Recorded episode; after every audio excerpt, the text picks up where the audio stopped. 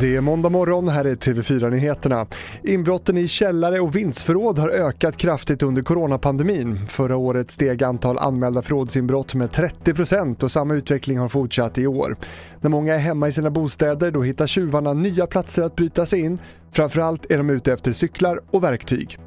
Eh, vi ser ju också att stölder på badhus, kaféer och sådana här saker minskar, fickstölder också och någonstans måste ju tjuven eh, få sina pengar. Det sa Lina Nilsson, Stöldskyddsföreningen.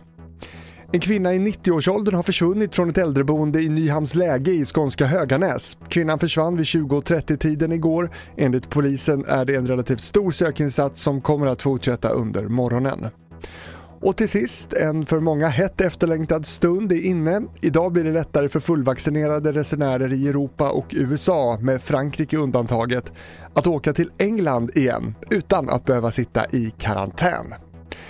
Det var det senaste från TV4 Nyheterna. I studion Fredrik Rahlstrand.